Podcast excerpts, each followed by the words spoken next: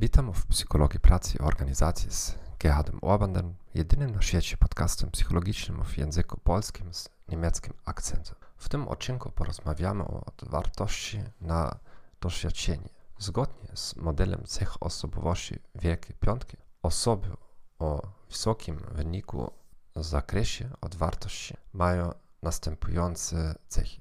Osoba odwarta jest motywowana fantazją, ona jest artystyczną, zorientowana, zorientowana na uczucie, zorientowana na działanie, pomysłową i ma skłonność do wyznawania liberalnych wartości. Ten czynnik jest inaczej konceptualizowany w innych taksonomach Wielkiej Piątki.